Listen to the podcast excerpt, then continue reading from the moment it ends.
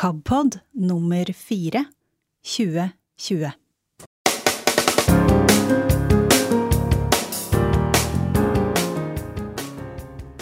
I denne utgaven av KABpod snakker vi om universell utforming. Hvor krevende kan jeg være? Er den som ønsker universell utforming en festbrems? Professor Inger Marie Lid har gitt ut bok om dette emnet, og intervjues av Frank Tangen. I Synlige stemmer skriver Helena Redding sårt om det å miste sin mor i koronatid. Finn Tore Eivik reflekterer i Tro og tanke om å gå omveier og om ei dame fra Samaria. Og diakonen spør hvordan det gikk å feire påske uten fysiske gudstjenester. I den faste spalten Blindebukk møter vi Kurt Ove Mæland sine erfaringer med å være blind i koronatid. Og han er innom både Trim for eldre og sprinteren Salum Kashafali. Klippstoffet i dag er spesielt på den måten at vi serverer en hel avis. Nå er det mulig å abonnere på Vårt Land, innlest av KAB. Til slutt i denne podkasten får du presentert hvordan en slik innlesning høres ut. Og det er enkelt å få et abonnement gjennom KABs lydbibliotek.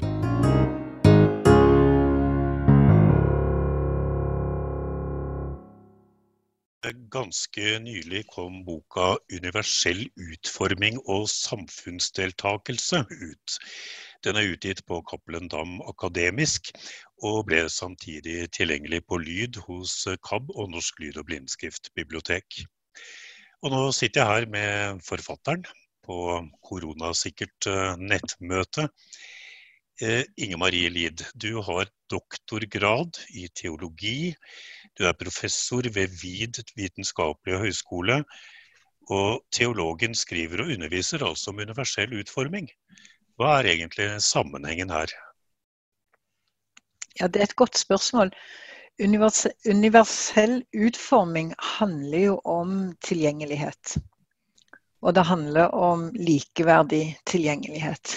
Det betyr at den eh, personen, de personene som er målgruppe i universell utforming tenkning, er eh, borgere i et samfunn med like samme menneskeverd som borgerne allment i det samfunnet. Og som teolog, da, så er det jo mye Og da kan man jo si at i, i, innenfor teologiens greiner så er det samtidsteologien, det som kalles systematisk teologi, som er mitt uh, hovedområde. Og der har vi jo både etikken, og vi har tema knyttet til menneskerettigheter, og vi har tema knyttet til det å forstå menneskers vilkår, menneskers grunnvilkår i verden, og gudsrelasjonen, eller hva man skal si. Og universell utforming sin vektlegging av tilgjengelighet på en likeverdig måte utfordrer teologien, kan man si, i det å både gjennomtenke og kommunisere disse viktige temaene på forståelige måter. Så man kunne nok snakket om universell utforming av teologien. Vi skal i hvert fall snakke litt mer om kirken og dette med universell utforming litt senere i denne praten vår, tror jeg. Men har jeg forstått det riktig, så har du vel også noen personlige erfaringer med å leve med en funksjonsnedsettelse? Ja, altså der er jo Spørsmålet er jo hvordan man forstår variasjoner i funksjonsevne og funksjonsnedsettelse.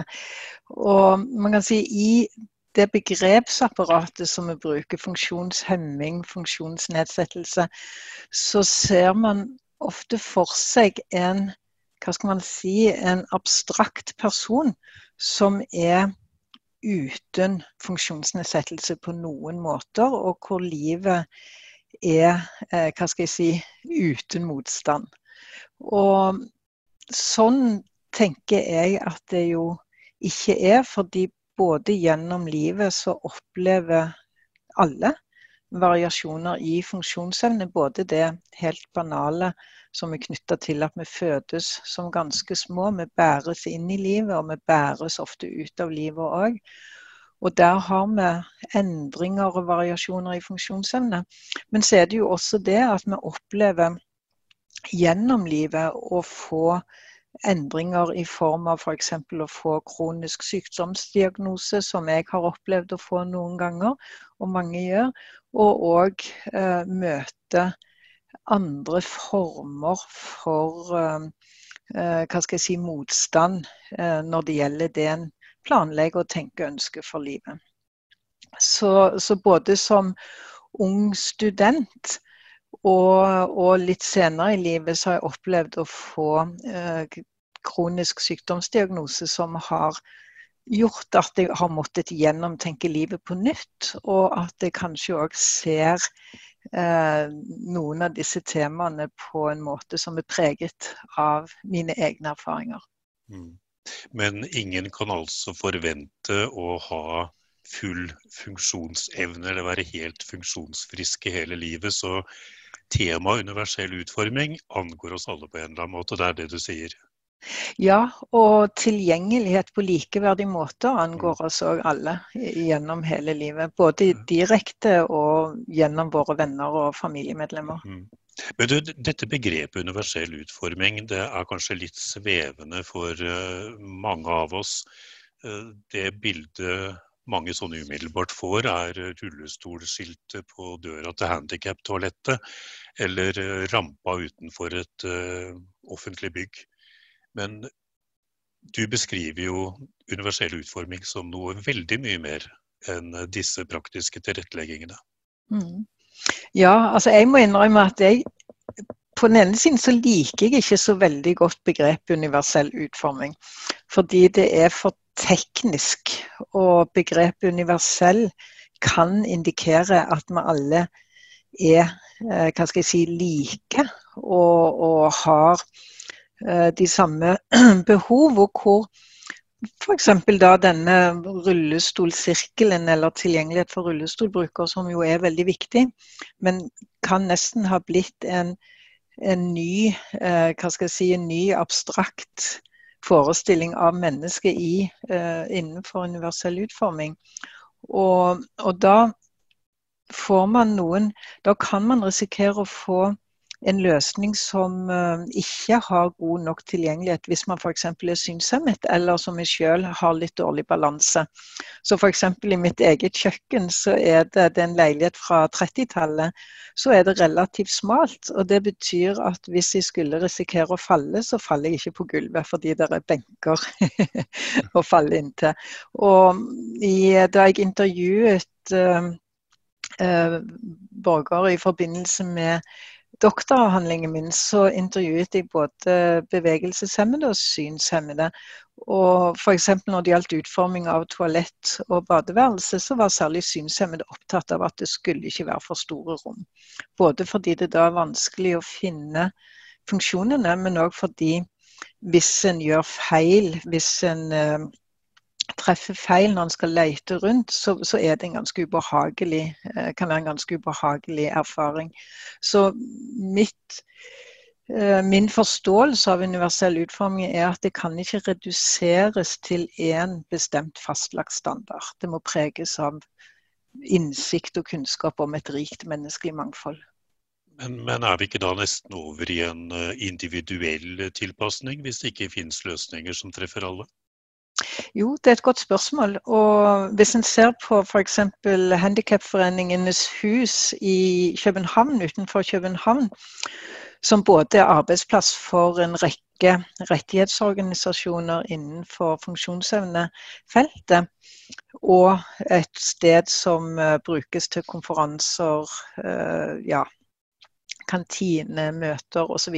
for eksterne, så har vel de noen og tyve toalett, og de er stort sett utforma på ulik måte alle sammen. og det, det, er jo vanskelig å få til i dagligdagen. det, det høres krevende ut, ja. det er krevende. Men det er vel mer det at en må forstå at det ikke er en løsning som passer i alle sammenhenger. Så hvis en f.eks. Og det, det, er jo problematisk med et begrep som handikaptoalett, for da kan man tenke at det passer for alle. Så det er vel mer det at en må tenke igjennom hva er de ulike menneskelige forutsetningene, og hvordan kan en møte de eh, best mulig. Mm. Jeg har lyst til at vi bare går videre på et eh, par litt mer sånn hverdagslige eh, og praktiske temaer. Du har et kapittel i boka di om arbeidsliv.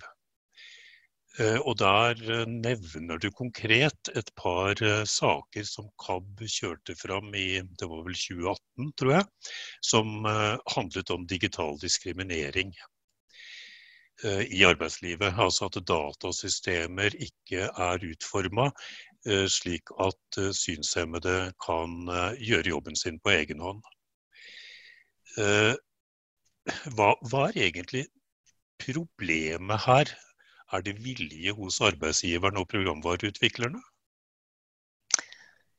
Det er eh, vanskelig å vite helt klart hva problemet er. Noe er nok knytta til det som vi har snakket om tidligere, at det er komplekse systemer, dette. Men jeg må vel innrømme at jeg òg ser at det kan være problem knyttet til eh, erkjennelse. Altså det å forstå hvem er en arbeidstaker, hvem er en student, og hva slags tilrettelegginger er det vi må gjøre for å møte arbeidstakerstudenters behov. Og Der syns vel jeg å kunne se, f.eks. i den saken du nevner, at når en bestiller en løsning, så har en ikke oppmerksomhet på mangfoldet blant arbeidstakere som skal bruke den løsningen. Så man tenker at alle er som alle andre, og hvis det da er enkeltmennesker som er litt annerledes og har litt annerledes behov, så må det løses for seg. Og Det er jo det motsatte av verdigrunnlaget og ideen med universell utforming. For det handler jo om å tenke ingen er som alle andre. Vi har en bredde i eh, de menneskelige forutsetningene som våre arbeidstakere, våre studenter, har. Eh, og det handler nok om vilje, og kan ha med å gjøre at både utdanningen og arbeidslivet i Norge har vært segregert ganske lenge. Fordi man har brukt trygdeordninger og særskilte løsninger for å unngå at eh, Eller hva skal jeg si, holde folk unna arbeidslivet. Det opplevde jeg selv som student da jeg fikk en uh, autoimmun sykdomsdiagnose og fikk vite både fra lege og sykehus uh, og universitet at nå måtte jeg slutte å studere. Fordi sånne som meg kunne ikke være studenter og kunne ikke jobbe som prester i det tilfellet. Mm. Men det er jo Ja, unnskyld. Nei, så det handler litt om vilje.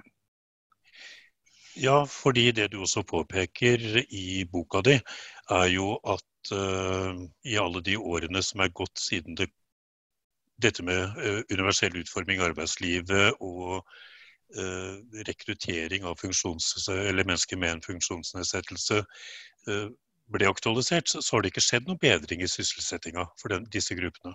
Mm. Det har skjedd veldig lite.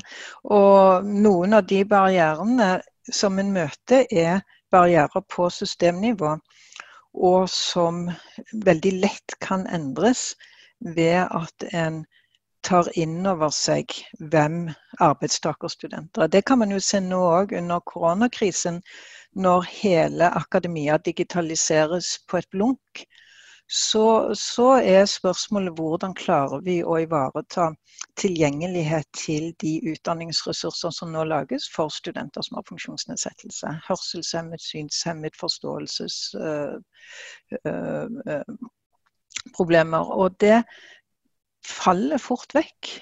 og blir gjerne satt på vent til en gang man har bedre tid eller flere ressurser eller kan ha et bedre, bedre forutsetning for å gjøre noe med det.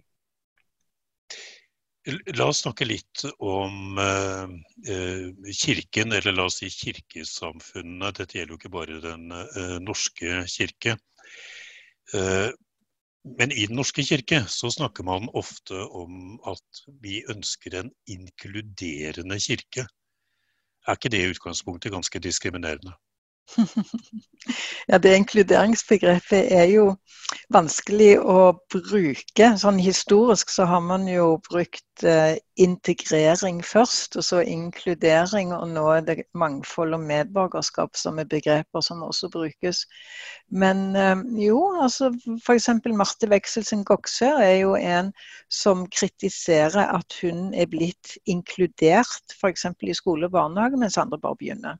Hun har Downs, ikke sant? Ja, hun er en kvinne med Downs syndrom som er aktivist, forfatter, og skuespiller. Og en av de tydelige kritikerne av inkluderingsbegrepet.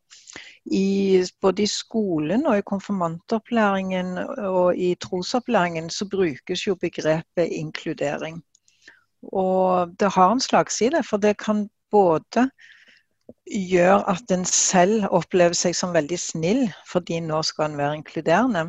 Og så gjør en den som skal inkluderes, veldig annerledes andre. Så det er helt klart uheldig trekk ved det begrepet. Men er det en fare for at de kristne kirkesamfunnene blir liggende etter resten av samfunnet når det gjelder disse spørsmålene, eh, fordi de har vært så opptatt av å snakke om omsorg og diakoni, mens eh, rettigheter er på en måte noe vi ikke skal snakke om. Mm. Jeg syns jeg har kunnet se en sånn tendens. Og at når eh, Kirken, f.eks. Kirkerådet, snakker om menneskerettigheter, så, gjelder, så, snakker de da om andre land, andre mennesker et annet sted. Mens uh, her eh, hjemme så uh, ser en ikke at det kan være problemstillinger knytta til menneskerettigheter. Det som er interessant der, er jo at den siste kampen som handler om en raus og inkluderende folkekirke, som en snakket om da, og eh, rettigheter, det var kampen mot diskriminering på grunnlag av seksuell orientering, som homofile og lesbiske førte. Um, det ble jo en veldig bred kamp som hadde et bredt nedslagsfelt, og som har fått konsekvenser praktisk. Mens det som gjelder diskriminering på grunnlag av funksjonsevne, der opplever vi vel at det er mindre grad av solidaritet. Og at når man påpeker saker, og det er noe av det jeg har ønsket å gjøre i boken min òg, at det blir veldig ofte konkrete enkeltsaker som står for seg selv, i stedet for at man samlet ser at dette handler om rettigheter, og det handler om menneskerettigheter. Men hvilke rettigheter har jeg som kirkemedlem? Du, altså der har jo kirken Kirken, trossamfunn har jo hatt lov til å diskriminere, og har lov til å diskriminere. På grunnlag av kjønn og på grunnlag av eh, seksuell orientering. Så de har vært unntatt eh, likestillings- og diskrimineringsloven, og er det vel enda. Men man har jo som menighetslem en rett til å kunne tilhøre uh, et trossamfunn. Men så er problemet at diskriminering på grunnlag av funksjonsevne er det siste diskrimineringsgrunnlaget som vi har fått inn i både lovgivning og i menneskerettighetskonvensjoner. Og det er fremdeles ikke helt klart i samfunnet hva som er diskriminering og hva som ikke er diskriminering. Altså Hvis man ikke kommer inn i et kirkerom, hvis man ikke får med seg liturgien, hvis man ikke får vite hvilke salmer som skal synges, Eh, på andre måter enn disse numrene som henger på veggen. Det er ikke en felles forståelse av at det handler om diskriminering. Eh, og der er du inne i den omsorgstenkningen. At både Kirken ser på tilrettelegging som noen gjør innenfor det diakonale omsorgsarbeidet, og at en kanskje også på et organisasjonsnivå har eh, vært Altså vi er jo i det samme samfunnet og preges av de samme forståelsene.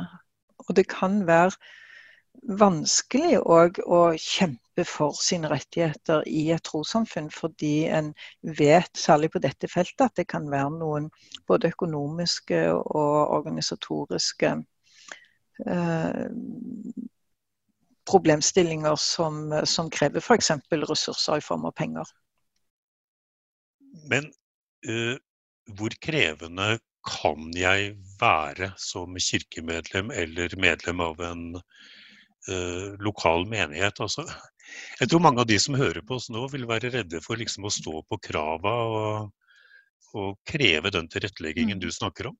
Mm, og Det skjønner jeg veldig godt. Jeg syns selv det er vanskelig. Jeg har latt meg velge inn i menighetsrådet nå. Og har da òg gått inn i noen av de konkrete sakene som er relevante for tilgjengelighet universell utforming. Vi merker jo selv òg at det er vanskelig å være den som alltid skal fremme denne saken. Fordi det er ingen andre som gjør det, og fordi en vet at det blir sett på litt som festbrems. Men i stedet for å stille spørsmål hvor krevende kan man være, så kan man kanskje snu på det og spørre hvor deltakende kan man være. Og, og når en er deltakende, tar del i menighetens liv, f.eks. Så gjennom deltakelse så vil en jo da òg erfare og peke på hva det er som er barrierer for så god deltakelse som mulig. Og her bruker jo FN-konvensjonen uh, fullverdig deltakelse. Altså Hvis man f.eks. ikke vet hvilke salmer som synges, så føler man seg jo fremmed, ikke sant.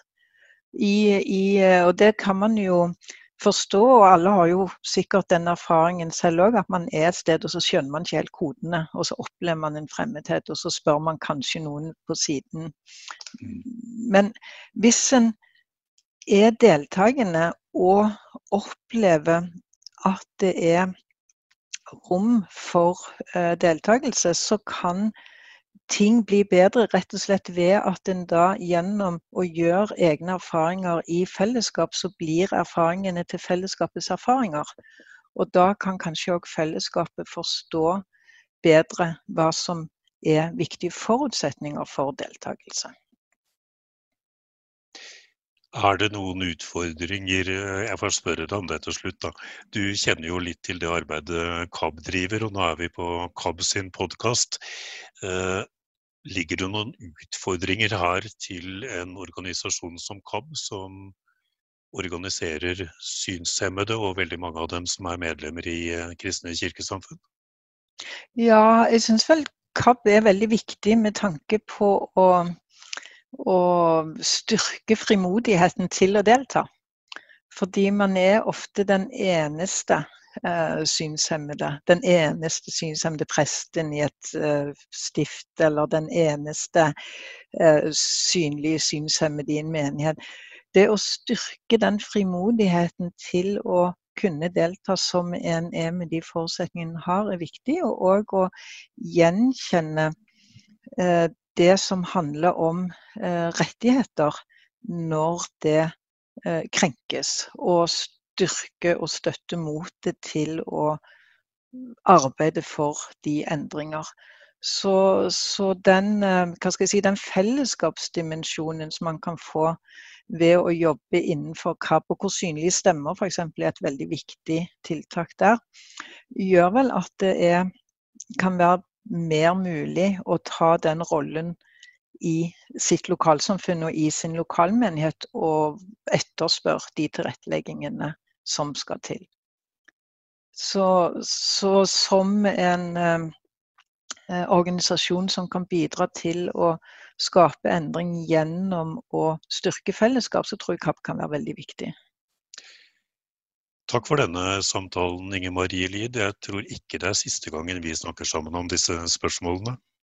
Nei, jeg håper ikke det, for jeg sitter med en del ting som vi ikke fikk snakket om. Ja, det vil jeg tro. Vi snakkes igjen, vi.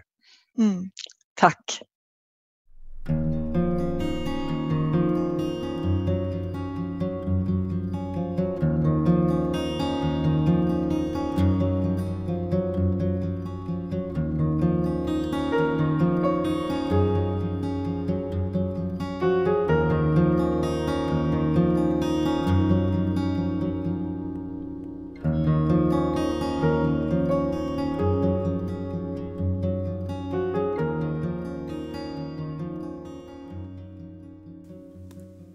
Synlige stemmer, et skribentprosjekt fra KAB. Synshemmede skriver om livet sitt, denne gangen Helena Redding. vondt, dobbelt vanskelig. Alt er i unntakstilstand. Vi lever i koronatid. Hvordan føles det å miste et kjært familiemedlem, en personlig krise, når hele samfunnet er i krise fra før? Tankene svirrer, bekymringene øker. Ikke for egen helse, men for andre rundt meg, som jeg er så uendelig glad i så skjer det som ikke skulle skje. Mitt store forbilde og min aller beste venninne, min egen mor, går bort. Min verden raser sammen. Det samme skjer hos andre rundt meg, andre som jeg er så inderlig glad i. Nyhetene herjer på. Skumle tall og stadig strengere tiltak for å forminske spredningen av viruset. Det går igjen og igjen og igjen på radioen. Mange er redde, og det har jeg forståelse for. Samtidig så har jeg problemer med å skjønne at verden faktisk går videre til tross for min store helts bortgang. Damen som trosset frykt og reiste med tre små til et land hvor hun verken forsto språket eller ante hvordan folk levde, men som forsto at hun måtte våge for å kunne gi barna et verdig liv, for kjærligheten. Hun som tok mot til seg og hoppet ut i det ukjente, men som visste at hun alltid hadde Herren ved sin side. Hvordan kan verden gå videre når vi har mistet den umistelige? Livet hos de som står på andre siden av min ytterdør, går videre, dog i litt lavere tempo enn til vanlig, og med økende usikkerhet i forhold til det vi i Norden har følt på de siste 70 år. Oppi alt det vonde og triste gir de strenge koronatiltakene oss vanskelige rammer. Mange i den nærmeste familien kan ikke reise for å ta et siste farvel med min store helt. Ikke kan begravelsen annonseres, og få får lov til å ta avskjed. Hvordan får vi da feire denne modige damen som brøytet vei for oss som kom etter? Damen som var den tøffeste, samtidig som hun omfavnet alt liv, så forsiktig, så varsomt. I solidaritet følger vi alle de strenge retningslinjene. Alle liv har en stor verdi, og vi må alle bidra til at så få som mulig blir smittet av sykdommen. Det er da tankene dukker opp, om å sende begravelsen direkte via internett til familie og venner rundt om i verden. På den måten kan hver og en ta sitt siste farvel ikke i fellesskap som vi alle hadde ønsket, men på en trygg og god måte for alle rundt oss. I dag er en ny dag, sola skinner, bussen kjører, men livet mitt blir aldri som før. Savnet er altomgripende, også mange rundt meg har det forferdelig tøft. Flere av dem er i den antatte risikogruppen vi forsøker å verne om hverandre, følger alle retningslinjer og bruker såpe og sprit til den store medaljen. Vi kan ikke risikere å miste flere i vår lille gruppe, og vi vil ikke at noen andre skal oppleve den store sorgen som omslutter oss. I mitt stille sinn, midt i den svarte natta, kjenner jeg hvordan han, Gud den allmektige, tar rundt meg der jeg ligger våken, trist og redd. Han minner meg på at han alltid går ved min side, holder meg i hånda og hjelper meg over steiner og kratt.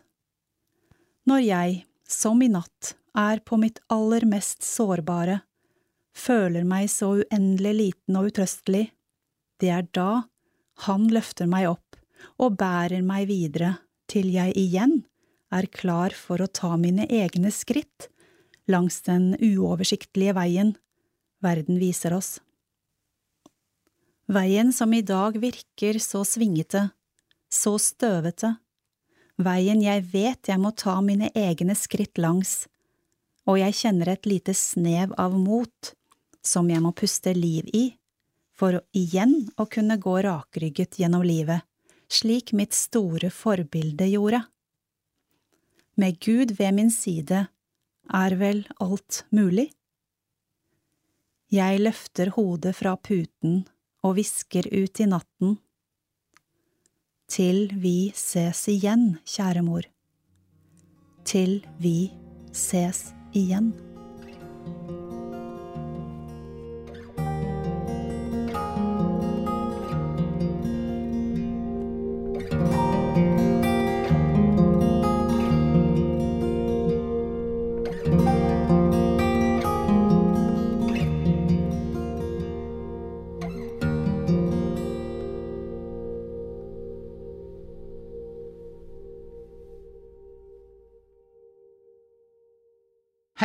Jeg heter Finn Tore Eivik. Jeg bor på et sted som heter Nesna i Nordland, og jeg jobber i Frikirka. Jeg vil i dag dele noen tanker med dere i forbindelse med en tekst fra Det nye testamentet. Teksten får dere høre nå, og den står i Johannesevangeliet i kapittel fire. Jesus og den samaritanske kvinna.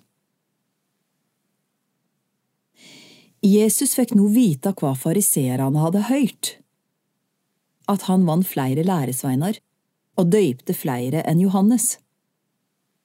Nå var det ikke Jesus sjøl som døypte, men læresveinene hans. Da tok han ut fra Judea og drog til Galilea igjen. Han måtte dra gjennom Samaria, og der kom han til en by som heter Sykar Byen ligger nær det jordstykket som Jakob ga Josef, sønnen sin. Der var Jakobskjelda. Jesus var sliten etter reisa og sette seg ned attmed kjelda. Det var omkring den sjette timen. Da kjem det ei samaritansk kvinne og vil hente vatn. Jesus sier til henne, Gjev meg noe å drikke. For læresveinene hans hadde gått inn i byen for å kjøpe mat. Korleis har det seg, sier kvinna, at du som er jøde, ber meg, ei samaritansk kvinne, om drikke? For jøder holder seg ikke sammen med samaritanere. Jesus svarer om du hadde kjent Guds gåve, og visst hvem det er som ber deg om drikke, så hadde du be han, og han hadde gjeve deg levende vann. Herre, sa kvinna, du har ikke noe å dra opp vann med, og brønnen er djup, så hva får du det levende vannet fra? Du er vel ikke større enn Jakob, stamfaren vår? Som ga oss brønnen og sjølv drakk av han, både han, sønnene hans og buskapen hans? Jesus svarer, Den som drikker av dette vatnet, blir tørst att, men den som drikker av det vatnet jeg vil gi, skal aldri mer tørste. For det vatnet jeg vil gi, blir til ei kjelde i han, med vatn som bryter fram og gjev evig liv. Kvinna sier til han, Herre, gi meg det vatnet, så jeg ikke blir tørst mer, og ikke trenger komme hit og hente opp vatn. Da sa Jesus til henne, Gå og hent mannen din, og kom tilbake hit. Jeg har ingen mann, svarer kvinna. Du har rett når du sier at du ikke har noen mann, sa Jesus for du har hatt fem menn. Og han du nå har, er ikke din mann. Det er sant, det du sa. Herre, jeg ser at du er en profet, sa kvinna. Fedrene våre tilba Gud på dette fjellet, men de sier at Jerusalem er den staden der en skal tilbe. Jesus sier til henne, Tru meg, kvinne. Den timen kjem da det verken er på dette fjellet eller i Jerusalem de skal tilbe Far. De tilbyr det de ikke kjenner. Vi tilbyr det vi kjenner, for frelsa kjem fra jødene. Men den timen kjem, ja, han er alt kommen, da de sanne tilbederne skal tilbe Far i ånd og sanning, for slike tilbedere vil Far ha. Gud er ånd, og de som tilber Han, må tilbe i ånd og sanning. Kvinna sier til han, Jeg veit at Messias kjem. Messias er det samme som Kristus. Og når han kjem, skal han fortelle oss alt. Jesus sier til henne, Det er jeg. Jeg som snakker med deg. Har du vært på reise og vært nødt til å ta en omvei? Kanskje var veien sperra på grunn av en trafikkulykke, kanskje var veien rast ut. Andre ganger så velger vi en omvei på reisen vår fordi vi ønsker det. Kanskje vi vil besøke noen. Kanskje vi vil se eller oppleve noe spesielt. Også på en annen måte, og med litt annen betydning, kan vi ta omveier i hverdagen vår. Det kan være personer som vi helst ikke vil møte, så vi går en annen vei. Vi går utenom, eller på en annen måte viser vi at vi ikke ønsker kontakt. Det kan være situasjoner som vi helst ikke vil komme i, ting som utfordrer oss, som minner oss om vanskelige ting hos andre eller i livet vårt.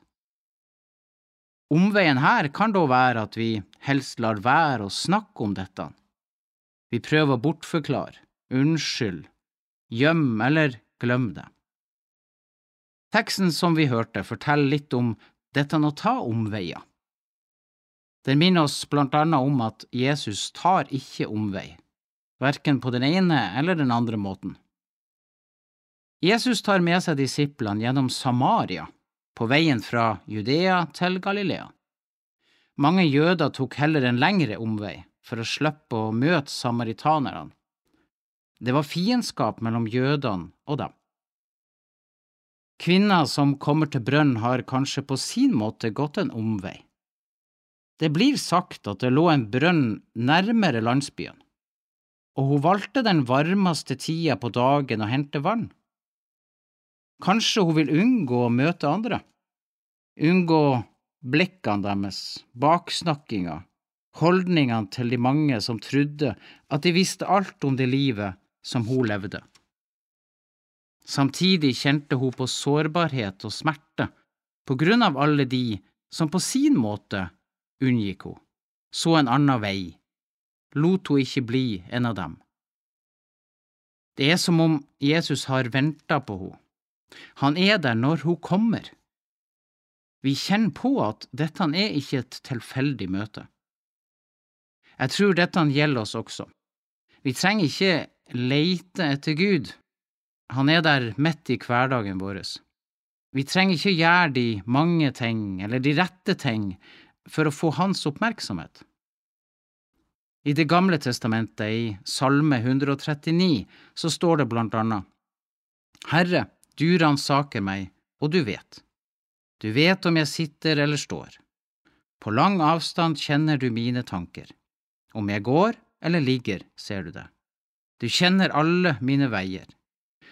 Før jeg har et ord på tungen, Herre, kjenner du det fullt ut. Bakfra og forfra omgir du meg. Hun er samaritaner, og hun er kvinne.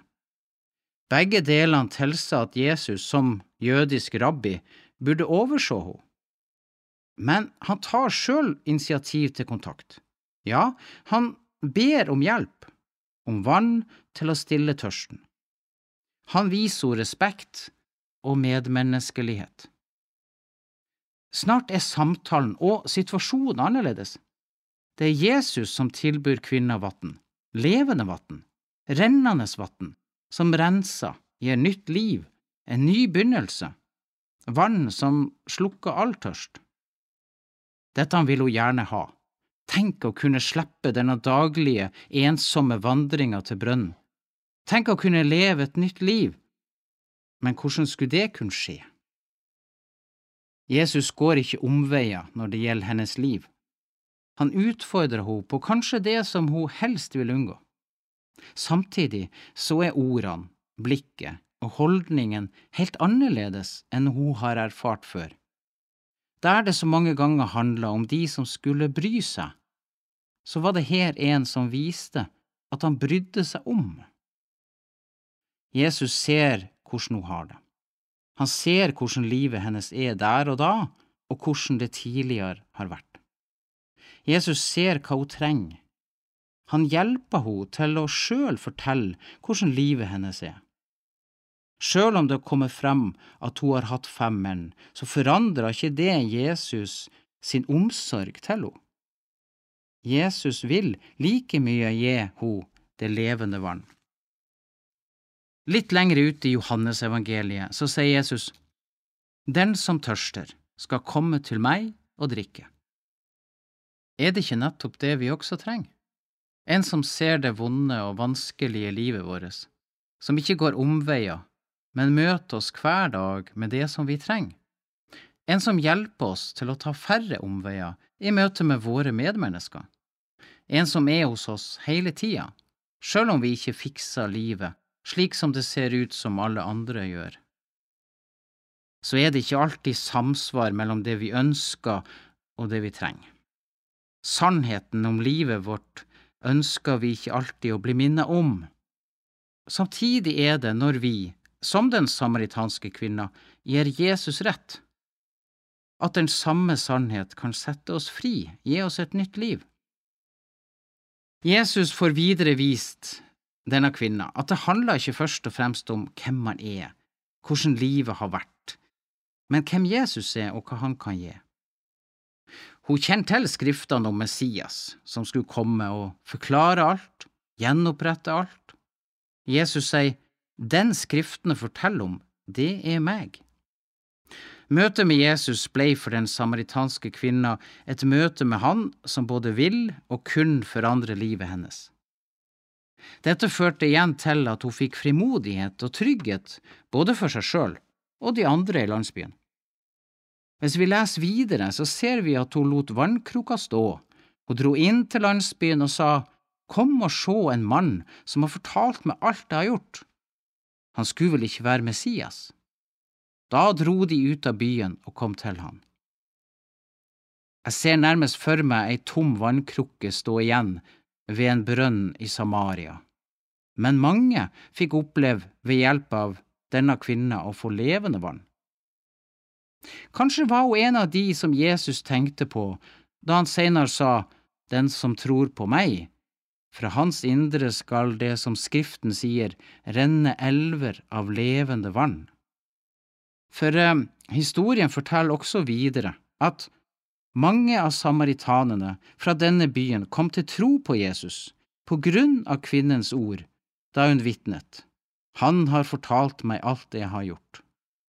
Nå kom de til han og ba han bli hos dem, og han ble der to dager. Mange flere kom til tro da de fikk høre hans eget ord, og de sa til kvinnen, Nå tror vi ikke lenger bare på grunn av det du sa, vi har selv hørt han. Vi vet at han virkelig er verdens frelser. Uansett hvem vi er, så ønsker Jesus å møte oss der vi er. Uansett hvem vi er, så trenger vi Jesus der vi er. Uansett hvem vi er, så kan Jesus hjelpe oss til å være noe for andre. Noen ganger ved å ikke ta omveier, men møte noen, se noen, gå sammen i hverdagen. La våre eh, ord og handling og holdning være prega av Han som omtaler seg sjøl som veien, sannheten og livet.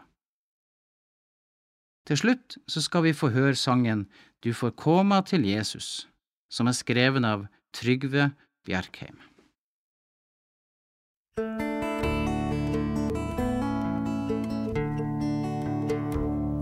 Du får komma til Jesus med det som er tungt, med de synd og de sorg og de sult. Du skal vita forvist om du kjem som du er, skal han slett ikke støte deg ut. Du får komma til Jesus i motgang og tvil, og når nedbøyd i mismod du. Han vil kveisja din huk, han vil tendra ein smil, og for vinter deg gjeva ein vår. Du får komma til Jesus når gale det gikk. Du får komma for tusende gong. Han vil reisa deg opp, han vil glede deg igjen. Han vil fylla ditt hjärta med sång. Du får komma til Jesus i ungdomens tid, i din mandom det vert kveld. Du får komma til Jesus når sola gäng ner og dig nattsvarte Får komma til Jesus i Faderens hus, der hans herligdom du skal få sjå. Du skal være hos Jesus til evig tid. Si hva mer kan du ønske deg da? Si hva mer kan du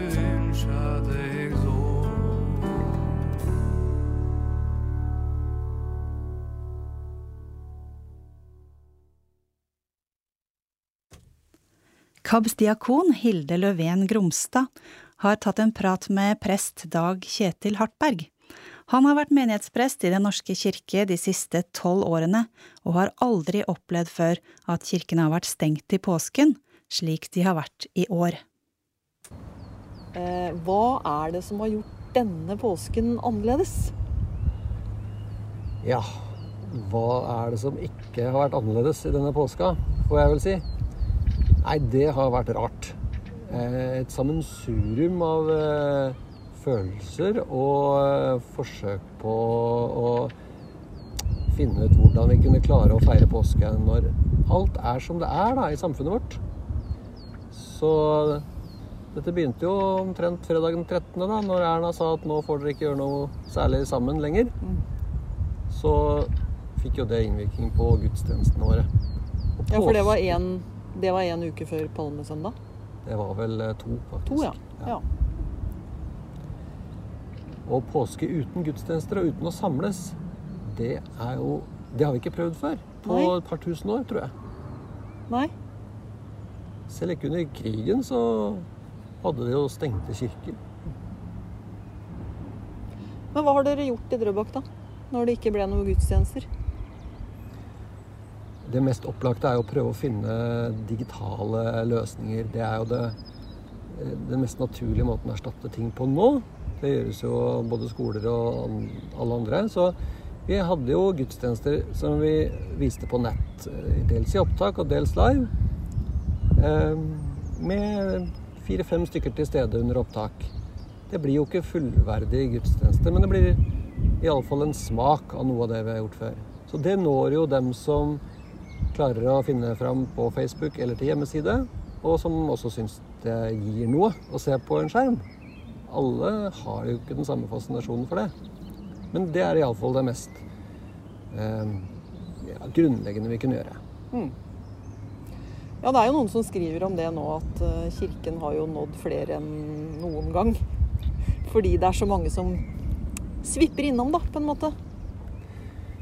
Ja, og for mange så har det nok vært et uh, tupp i baken til å komme seg ut på eh, digitale plattformer og sosiale medier. Og det er klart, der har ikke Kirken vært noen foregangsorganisasjon. Eh, TV-gudstjenesten er- har jo rullet og gått i mange år, men nå har liksom alle lokalt vært nødt til å ta ansvar for sitt. Og det, oppi det hele har jo det kanskje vært en sunn ting, og noe vi kan bruke mye videre, da. Men det erstatter jo ikke fullt og helt det vi vanligvis gjør. Nei. Nei, for vi i KAB tenker jo at dette kan for mange av våre medlemmer da, være en fin ting, hvor det kan være litt plundrete å komme seg av gårde på en gudstjeneste. Eh, og det kan kanskje noen ganger oppleves litt vanskelig å delta. Mens det å kunne få være med hjemmefra kan være en fin ting. Så jeg håper jo at noe av dette fortsetter.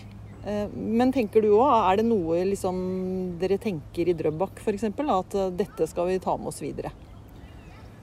Absolutt.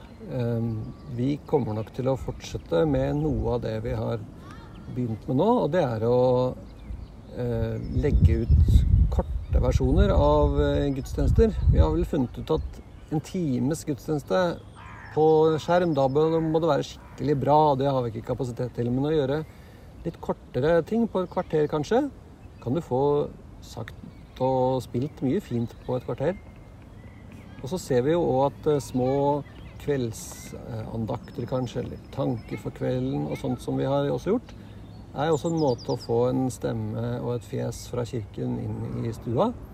eh, Som vi nok har gjort da, veldig lite av før. Mm. Og det tror jeg helt sikkert vi kommer til å fortsette med. Og så har jeg kanskje lyst til å gi dere en utfordring, for jeg tenker at det er, det er fort gjort at her kommer Kirken og skal gi noe til meg. Eh, Men av og til hadde det vært fint for meg å kunne si noe tilbake. Og det, vi har jo også i KAB eh, hatt en bratt læringskurve på sånne digitale møter, da. Vi har brukt et verktøy som heter Zoom. Så vi har snakka litt om kanskje vi kan få til digitale bibelgrupper. F.eks. Kanskje man kunne hatt digital konfirmantundervisning for noen som bare ikke av en eller annen grunn kan eller vil komme, da. Så Ja, og det er jo en annen ting vi brått har måttet bli flinkere på. Det er jo eh, videomøter. Em, vi har jo brukt det mye istedenfor vanlige møter, men vi har jo også prøvd det, sånn som du sa, med konfirmanter, med Zoom eh, som plattform. Der har vi prøvd forskjellige varianter. Enten å ha noe for veldig mange. Da er det vanskelig å få en, eh, en god sånn toveiskommunikasjon, men det kan fungere bra som en en, en live eh, digital undervisning for mange på en gang, som er et lukket rom. Men så har vi jo prøvd å gjøre de litt mindre gruppe, Da. Vi hadde en skjærtorsdagsmåltid bl.a. med 10-11 stykker. Folk kunne melde seg på, få en link, være med inn. Da kan man jo sitte og se inn i hverandres stuer. Da. Eh, og med det tallet så kunne man gjort noe sånn som du sa, å ha bibelgruppe snakke sammen i eh, litt sånn ordnede former og føle at man, man faktisk eh, er mer nær hverandre enn når man bare sitter og ser på samme eh, gudstjeneste f.eks. på skjermen. vi skal i hvert fall i KAB gjøre alt vi kan for å bli så gode vi bare kan på dette her. Og det er klart at for mange av våre medlemmer også, så er det jo en liksom barriere eh, å begynne med nettmøter. Eh, og jeg håper at vi kan også hjelpe Kirken hvis det er noe som et kirkekontor lurer litt på. For det er jo viktig å få dette liksom, få informert da, om eh, at det går an å være med i sånne fellesskap også. Så hvis du liksom nå skal kort oppsummere påska 2020 Jeg har jo veldig lyst til å, å være sammen med noen fysisk i et kirkerom da, og kunne synge og, og høre og gå ut på kirkegården, sånn som vi alltid gjør i Drøbak, og synge 'Påskemorgen slukker sorgen'. Eh, det kjente jeg fysisk at det savnet jeg denne påsken. Men eh, en annen ting jeg sitter igjen med, er jo også at eh, jeg har ofte når jeg har hatt påske, feiret påske i Drøbak og gudstjenester, eh, vært litt frustrert over at uh, verden går veldig sin gang utenfor kirken. Og det er jo ikke den største delen av befolkningen som trekker til kirke i påsken. Nei. Uh, men all, folk går tur og sitter på stranda og har det tilsynelatende bra uten påskebudskap, og det har de jo sikkert. Men denne digitale påsken vår har jo faktisk nådd mange flere enn det vi har gjort gjennom gudstjenestene våre fysisk. Vi har kanskje 500 stykker til sammen på gudstjenesten i Mm. påsken vanligvis. Altså nå har vi hatt 5000 visninger på de gudstjenestene vi har hatt på nettet. Så her er det jo helt sikkert noen som er nådd, som ikke vi har kontroll på. Og vi ikke aner hvordan det budskapet har blitt tatt imot, men vi må bare tro da, at det kan ha slått rot. Det er jo håpet mitt. Ja. Så da tenker vi at eh, påsken 2021, da blir det 5000 på gudstjenester. Ja, da må vi Åh, ha da må det bli sånn som på julaften. seks stykker etter At du har flere forestillinger, liksom. Ja. Så du kan gå på toeren eller treeren eller fireren eller femmeren. Det er jo forhåpentligvis Ja. ja. framtiden. Ja, ja. Vi må ha hårete mål, Dag Ja. Kjetil. Ja. Yes, men da tenker jeg at uh, dere har uh, noen utfordringer å ha med dere videre, og det har jammen vi i KAB òg. Og så takker jeg for praten, jeg, og ønsker lykke til videre. Nå skal vi fortelle om eh, nettmøter i KAB. Så ikke hopp videre. Det er ingen grunn til angst. Akkurat nå kan vi ikke møtes eh, fysisk, og flere KAB-arrangementer er allerede avlyst fram til sommeren. For mange er det vanskelig å reise til eh, våre samlinger og møter, også når ikke noe virus herjer. KAB har funnet løsningen. Vi kan møtes på nettet. I ukene som kommer inviterer vi til åpne nettmøter hver onsdag, og vi har et spennende kurstilbud tre tirsdager. Vi har funnet et verktøy som er enkelt å bruke, også uten syn. Zoom heter det. Alt du trenger er en mobiltelefon eller en PC. Så får du en link du kan klikke på, og med et par tastetrykk er du inne i møterommet. Og vi i KAB er på plass i god tid for å hjelpe de som har problemer med å finne ut av det første gang de prøver. Så her er det altså ingen grunn til å la teknologiangst hindre deg. De neste ukene ser menyen slik ut, med forbehold om at vi kan måtte endre på noe. Onsdag 29. april nettmøte med Inger Marie Lid. Hun møter vi også i denne KAB-podden, og i dette møtet er det mulighet til å snakke mer om temaet universell utforming, stille spørsmål og diskutere med Inger Marie Lid og hverandre. Onsdag 6. mai synshemmet i koronatid. Hvordan ble hverdagen? Ikke så annerledes enn den pleier? Eller er du en av dem som opplever problemer med ledsaging og assistanse, eller at isolasjonen ble i overkant vanskelig? Meld gjerne inn spørsmål og synspunkter på forhånd. Onsdag 13. mai Tanker om tro live. Tanker om tro er jo et fast innslag her i KABpod. Denne kvelden blir det anledning til å møte og snakke med en av bidragsyterne våre, Finn Tore Eivik, som du også hører i denne utgaven. Han vil innlede til temaet Hva er det å tro? Onsdag 20. mai Skriveinspirasjon for deg som vil skrive ned fortellinger om ditt eget liv, kanskje for å dele det med familie og venner, eller bare for din egen del. Her vil jeg selv gi deg noen tips om hvordan du kommer i gang, hvordan du skriver, og det blir naturligvis mulighet til å spørre og utveksle erfaringer, eller du kan bare høre på. I dette møtet er det ikke tid til å jobbe med konkrete tekster, men den muligheten kan vi alltids gi dem som ønsker det som et eget kurs. Alle disse samlingene begynner altså klokka åtte på kvelden, klokka 20, og varer inntil én time. Dette var de åpne møtene de neste ukene. Det kommer mer informasjon på nettsidene våre, kab.no, og i Facebook-gruppa Vi som liker KAB. Men send oss veldig gjerne en e-post til kab.kab.no, eller ring 69 81 69 81, så sørger vi for å holde deg oppdatert om det som skjer, og vi kan gi deg veiledning i hvordan du blir med på nettmøtene. Så har vi et tilbud du må melde deg på om du er interessert. Kurs i opplesning. Vi inviterer til tre kurskvelder med litt teori og en del praktisk trening i opplesning. For noen av dere er det aktuelt å lese tekster på nett eller Facebook foran et publikum, eller kanskje du kan være tekstleser i kirken. Vi er glad for at Helga Samset stiller opp som kursleder. Hun er kjent som forteller, faktisk den eneste fortelleren i Norge som har fått Statens kunstnerstipend.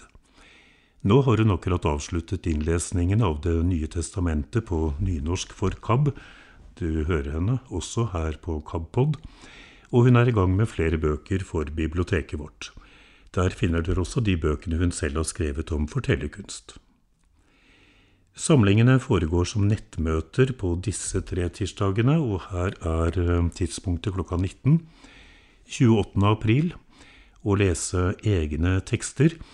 Vi snakker da om prosa, det kan være en kort fortelling, en eh, synlige stemmer-tekst du har skrevet, eller hva du måtte ønske. 5. mai å lese poesi. Ta med et av dine egne dikt hvis du skriver, eller noe andre har skrevet. 12. mai å lese bibeltekster, aktuelt f.eks. For, for deg som kunne tenke deg å være tekstleser i kirken din. På dette kurset er det maksimale deltakerantallet fem personer for at alle skal få muligheten til personlig veiledning, og deltakerne bør forberede seg på én tekst per samling. Det blir ikke gjort opptak, det som skjer blir i gruppa. Det gjelder også de andre nettmøtene våre. Du kan melde deg på alle tre samlingene, eller den eller de du velger. Her er det først til mølla, og vi finner nye datoer hvis vi ikke får med alle interesserte på de første kurskveldene. Kurset er gratis, og slik ser det altså ut de nærmeste ukene. Følg med, og ikke nøl med å ta kontakt med oss dersom du lurer på noe om det tekniske med nettmøter, eller har ønsker om temaer vi kan snakke om. Hei, her kommer litt informasjon til deg som lytter på KABpod, og som er KAB-bruker. Først så må vi starte med litt triste nyheter. Storsamlingen på Jeløya, som skulle vært Kristi himmelfartshelgen, den er dessverre avlyst.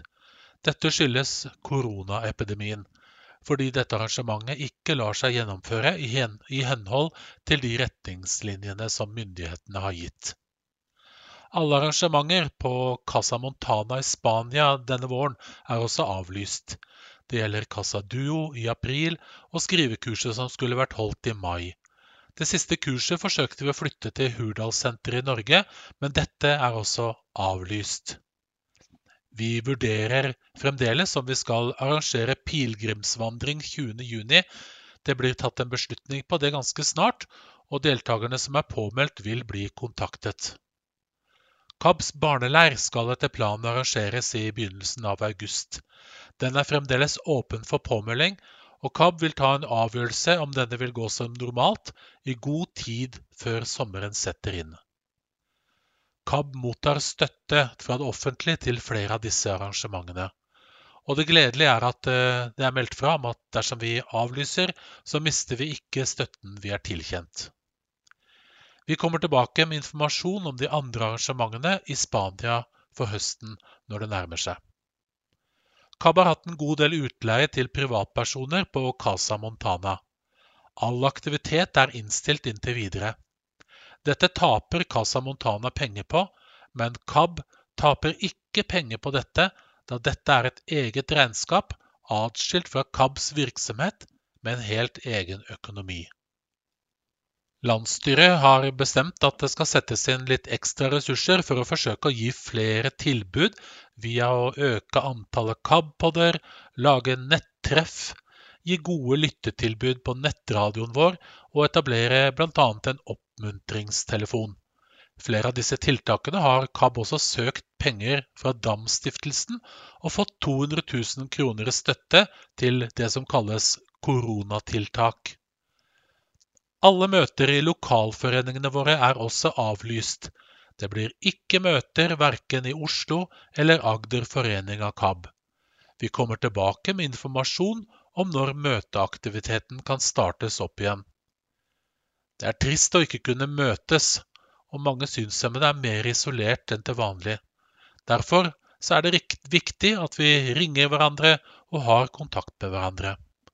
Dersom du har behov for å snakke med noen om den situasjonen du er i, så ta kontakt med KAB på 69 81 69 81, eller ring gjerne til vår diakon Hilde Løven Grumstad på 978 94 370. Du kan også ringe KABs oppmuntringstelefon. Vi legger ut en ny oppmuntring hver mandag, og den finner du på 40 80 10 20. Å ringe KABs oppmuntringstelefon koster ikke mer enn en vanlig samtale på mobiltelefonen. I samarbeid med Vårt Land leser vi nå inn et utdrag av avisen hver dag. Denne innlesningen kan du abonnere på via lydbiblioteket og Lydhør, slik at du alltid har faste og friske nyheter fra vårt land tilgjengelig. Finner du ikke fram selv, så kan du kontakte KAB, så hjelper vi deg med å sette det opp. Det er viktig at så mange som mulig tar i bruk dette tilbudet, slik at vi kan finne ut om det er behov for et slikt lydavistilbud. Vårt Land er en kristen dagsavis med nyheter, inspirasjon, kommentarer, reportasjer og intervjuer og oppbyggelig stoff. Og tjenesten er foreløpig helt gratis.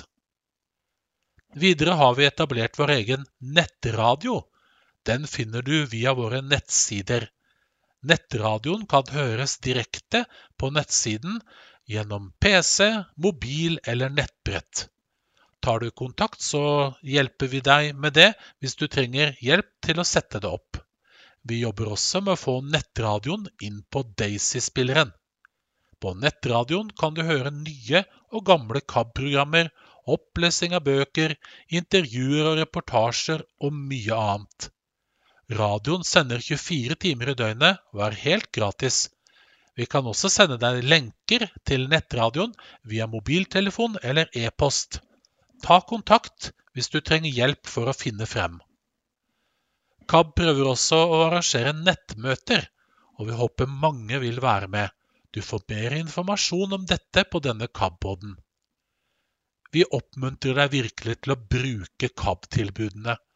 I tillegg til et rikholdig lydbibliotek med lydbøker, så finner du mange gode kristne magasiner og blader i lydbiblioteket. Her finnes det også mange lokale menighetsblader, og ønsker du menighetsblad på lyd, så må du ta kontakt. Det siste jeg skal nevne, er at vi har etablert et forsøksprosjekt med en lydbokbutikk på nett. Der kan du, eller folk som du kjenner, kjøpe lydbøker som du nå kan laste rett ned til PC-en din, nettbrettet eller mobiltelefonen. Og så eier du disse bøkene selv. Søk opp lydbokbutikk på nettet. Butikken er i ferd med å fylle opp hyllene med flere lydbøker. Ta kontakt hvis du trenger mer informasjon eller det er noe du lurer på. Hjertelig velkommen til en dag hos familie Mæland. Ja, nå er det ikke så spennende i seg sjøl, det, men denne dagen blir òg ispedd stemningsrapporter fra andre synshemmede som er i koronaisolasjon, og kanskje du at etter du har hørt denne podkasten, så har du fått noen flere ideer på hvordan du kan slå tiden din i hjel.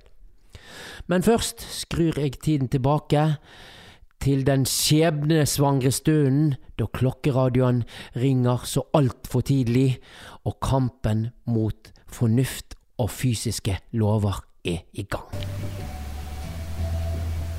Det er NRK Dagsnytt klokka 6.30. Norske myndigheter vil ikke fortelle offentligheten hvor mye smittevernutstyr vi har. i denne pandemien. Det var en kort natt. Våkna til dårlige nyheter. Korona, korona. Uh. Nydelig kaffe og greier. Jeg er så utrolig opptatt av god kaffe, så da er det ordentlig kaffebønner som blir nykvernet til fersk og god kaffe hver morgen. Og jeg husker så godt når jeg gikk ned på den lille butikken hjemme hos oss da jeg var liten. Og jeg husker da når han eh, som eide butikken, gikk bort og kvernet mer kaffe. Da løp jeg alltid bort etterpå og luktet der som kaffen har rent ned. For det var så nydelig lukt. Og det gjør jeg faktisk nå òg.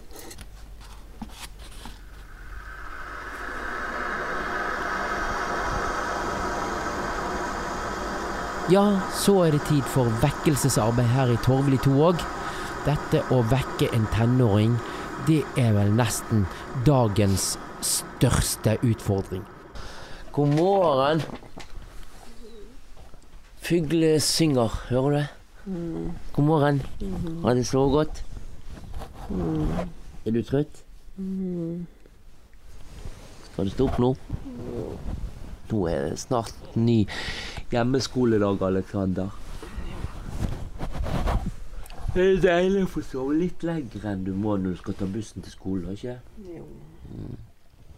Mens jeg eh, kjemper mot en tenårings eh, trang til bare å snu seg og sove videre, så skal du få lov å møte Sølvi Marie Risøy og høre om hennes opplevelse av det å være i isolasjon. I begynnelsen så tenkte jeg at uh, dette er jo egentlig bare helt supert, tenkte jeg. For uh, dette her er jo noe som jeg virkelig kan. Altså dette her med å få begrensa hva du kan gjøre, når du kan gjøre det, og, og det å få store endringer i livet veldig kjapt. Og, og, det å leve med stor risiko og stor usikkerhet. Det er, jo, det, er jo, ting som jeg er lært opp til over lang tid. Det gikk eh, gikk litt over ei uke, og jeg jobbet på med hjemmekontoret og sånne ting. Og så begynte jeg å bli syk. Så i hvert fall så ble jeg dårligere og dårligere utover i uka og sånt. Og så, så med en gang så tenkte jeg yes! Dette blir jo bare bedre og bedre, for dette her jo, kan jo jeg òg veldig godt. Sant? For jeg har jo mista synet pga. en sykdom som har gjort at jeg i, i, lange perioder av livet har vært helt tappa for kreft og lagt på sofaen og ikke kunne gjort så mye. Så jeg følte jeg fremdeles var innen mestringssona mi. Eh, så begynte jeg å tenke tunge tanker. Og da ble jeg litt bekymra, for det ligger egentlig ikke for meg å gå rundt og tenke tunge tanker så var det det her med at jeg har to foreldre, sant? og det er jo i risikosoner. Eh, det er litt sånn rart, men når jeg ble blind, så, så, så ble foreldrene mine Det har alltid vært viktig, men det ble på en måte enda viktigere igjen. sant? Eh, når, ja. du, når, du, nå eh, har opplevd eh, og opplever denne koronasituasjonen der vi må sitte hjemme, eh, gjør det noe i forhold til Er det noe du blir mer forberedt i forhold til at du ikke har vært blind for så lenge? Noe som du tror du kommer til å takle bedre? Ja, ja, definitivt. Jeg har begynt å lage litt mat igjen. Ja. Takket være dette hjemmekontoret.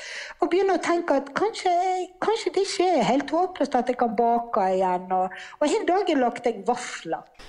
Nå eh nå i denne koronatiden så må vi holde oss i form, og da må vi finne den best mulige måte å gjøre det på. Og da har jeg tenkt å gå litt tilbake i tiden, eh, til 70- og 80-tallet. Jeg husker så godt når jeg var hjemme for skolen og hørte på radioen, så kom det plutselig klar og skjør. Rekk den ene hånda fram og hold den til sides. Og det var jo en veldig interessant eh, programpost for en unge som var syk å høre på. Så når jeg hører dette igjen, så får jeg sånn smak av sitronbrus og de tingene der. For det var jo det man skulle drikke hvis man hadde spysyken. Nå har jeg med meg Sissel og Alexander, som skal være med som prøvekaniner her. Så får vi håpe at, at vi klarer å gå etter denne knallharde treningen. Ok, Alexander, da kjører du i gang her, sant? Ja. God dag og vel møtt til den vesle, men gode streken vår. Legg nå fra deg det du holder på med, og kom så fort du kan. Ja. nå er jeg kommet. Med et lett svikt opp. Stå med beina sammen. Slik. Hopp og sett føttene fra hverandre. Ja. Så. Ja. Hopp og sett føttene sammen. Ja. Og det var det hele, ja. Og det var det hele! Det var oppvarmingen. Ut sammen. Ut sammen. Ut sammen. Det Sånn. Hoppe. Ja. Og ut sammen. Alexander, kan du gå der? Jeg kan si ja. han nå begynner han å synge. Hør hvor fantastisk. Det er jo helt utrolig. Hva skal vi gjøre da? Hoppe ut sammen. Nå kommer han til å si noe nytt snart. Altså, Det skal jo gå sakte, dette. for Jeg begynner å bli svett. Ja. Og stans. Rund bøying bakover med vriding. Stå med føttene fra hverandre og strekk armene løs ut. Der, ja. Også. Jeg tror vi kan gi oss. Jeg har blitt svett nok. Nei, jeg må nok gå helt til topps. Skal jeg eh, få gode nok fysiske utfordringer her, så jeg eh, kontakter faktisk verdens raskeste blinde sprinter, Salum Krasafali. Nå, det gjør jeg mye av. Jeg gjør mye basistrening hjemme. Eh, så jeg bruker alt det som er rundt meg, fra stoler til bord til en kroppsvekt for å ta pushups, situps, eh, på å si eh, ja, trene hamstring. Så det er bare egentlig veldig kreativt å bruke kroppsvekt i en mellom halvtime og 45 minutter hver dag. Så får man en god dose med trening. Ja, Du skal ikke ta livet av oss nå, så det syns jeg var mye. Ja, Nei, du kjører så tungt som du ønsker å gjøre det, men uh, det, det, det er veldig veldig innafor å ha en halvtime og 45 minutter hjemme. Men du, eh, som toppidrettsutøver og koronatid, dette må jo være dørgende kjedelig for deg? Ja, det er veldig utrolig, utrolig kjedelig eh, sånn, sånn sett, da. Eh, for det er begrensning av hva man kan gjøre av trening. Men eh, så tenker jeg liksom det er en fin utgangspunkt til å kunne gjøre, trene på de tingene jeg ikke er flink på vanligvis. Annet balanse, som er balansetrening, og styrke støttemuskeltyngene osv. I og med at det er noe, dette er på en måte ikke noe vi kan styre. og og alt annet er avlyst for å ta vare på, på oss. da. Så, sånn sett så er det en fin mulighet å utvikle meg på, på de små områdene som jeg vanligvis ikke trener på. Men, men du, jeg hørte en kar som løp maraton på en tolv meter lang eh, veranda. Er det et godt tips eh, du kan ta med deg videre? ikke for meg. Jeg er en sprinter, så jeg jogger bare 10-15 minutter, så er det nok for meg. ja, du, du stivner du etter, etter, etter, to ganger over verandaen? ja, så det er ikke en tips. Det er mer redd prøver å drepe meg, da. ja, det må vi jo prøve å unngå. ja. Men du, du, hvordan treffer du treneren? Forresten, han treneren din, han har vært min òg, du. Så det at jeg må jo ja. være ca. like god som deg og kjapp som deg er, da. Bare nesten. Ja. Vi får ta et løp en dag, tror jeg. Ja, velkommen. Ja, jeg, jeg, ja velkommen. Nå må du se. Du, skal, du vet ikke hvor kjapp jeg er. Jeg skal fortelle deg at en gang så løp jeg om kapp med gutten min, og vet du hva som skjedde da? Nei, hva da? Jeg røk hele lårmuskelen min. Jeg, jeg, glemte å varme opp, for jeg tenkte at varmer jeg opp, så taper jeg i hvert fall, for det er trøtt før jeg begynner. Nå ikke just, ja. så du skjønner at du har en hard konkurrant her? Ja, det er stilig. Vi får ta den med meg igjen, så får vi opp ekstra neste gang. Føler du litt isolert du òg nå, når du ikke ser og, og må være mest inne? Ja, det er veldig, du føler deg veldig isolert. Det er absolutt på, på mange områder. Det er jo det er lite minst mulig aktivitet der ute. ikke sant? Men jeg regner med at siden du er konkurranseperson, så kommer vi aldri til å møtes i noe, i, i noe godt felt, for uh, du er redd for å tape? Aldri si aldri. Jeg, jeg, jeg, jeg, liker å tape, så jeg kan lære hvordan jeg skal vinne neste gang. Så jeg er åpen for det. Hopp! Oi, det var en bra finte, Alexander. Ah, du, det er ikke lov. Hva er det der er lov? Du tar jo hendene mine vekk fra ballen. Ja, for jeg skal ha ballen. Mm. Jeg har mye kraftigere taklinger enn deg. Hilde Grunstad, eh, diakon i KAB. Eh, I denne tiden her med korona, karantene, både frivillig og ufrivillig, hva kan eh, KAB tilby medlemmene sine? Du, nå har vi vært eh, veldig på, må jeg si, og utvikla flere nye tilbud. Vi har Vi begynner med det enkleste, da. Vi har en uh, oppmuntringstelefon. Ja, hva er det for noe? Det er altså et uh, veldig enkelt telefonnummer. 40 80 10 20 som du kan ringe. Koster vel så vidt et tellerskritt, tror jeg. Uh, og da får du en andakt, en betraktning, kanskje et kapittel fra en bok. Og så har vi også nå fått i gang en nettradio. Da går du inn på kab.no og finner den der. Første du ser når du kommer inn på kab.no.